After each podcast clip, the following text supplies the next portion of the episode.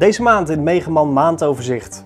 Euromilk bouwt voeraanschuiver, Kubota neemt Gianni Ferrari over en Damman test 20.000 liter grote spuitmachine.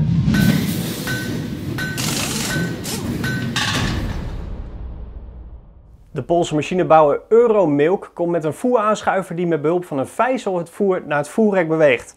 Deze voeraanschuiver is leverbaar in drie modellen. Ze hebben een werkbreedte van 1,20 meter, 1,50 meter en 2 meter.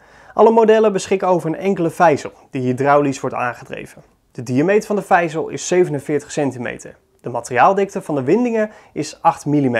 Doordat de machine niet recht voor de trekker of mini-shovel loopt, maar iets ernaast, voorkomt de fabrikant dat het duwende voertuig door het voer rijdt. Om de hele voergang schoon aan te schuiven is onder het ronsel achter de vijzel een rubber strip gemonteerd.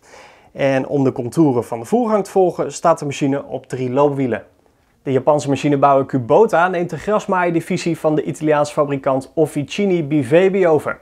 De dochteronderneming van Officini Bivebi, Gianni Ferrari, wordt grotendeels geïntegreerd in Kubota Holdings Europe. Het is de bedoeling om de bedrijven samen te voegen onder de naam Kubota Gianni Ferrari.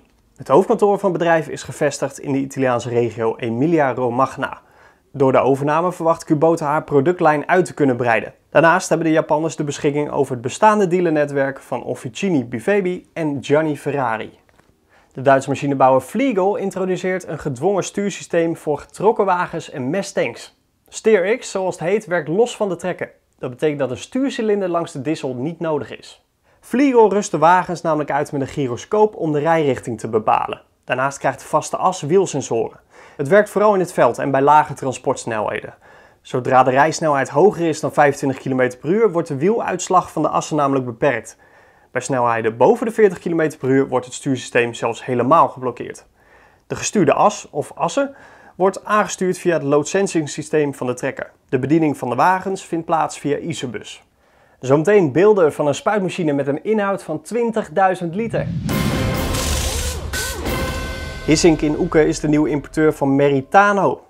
Deze Italiaanse fabrikant bouwt onder meer klepelmaaiers, rode koppeggen en frezen voor trekkers van 12 tot 150 pk. Onderdelenleverancier Kramp breidt de Franse dependance in Poitiers uit. Met de uitbreiding van het magazijn is een investering van 16 miljoen euro gemoeid. Angsa, een Zuid-Duitse start-up, heeft een prototype van een reinigingsrobot voor grasvelden gebouwd. De elektrische zuigrobot Dodo vindt zijn weg met behulp van GPS en kan volgens de makers ingezet worden bij evenementen, in parken en op particuliere grasvelden.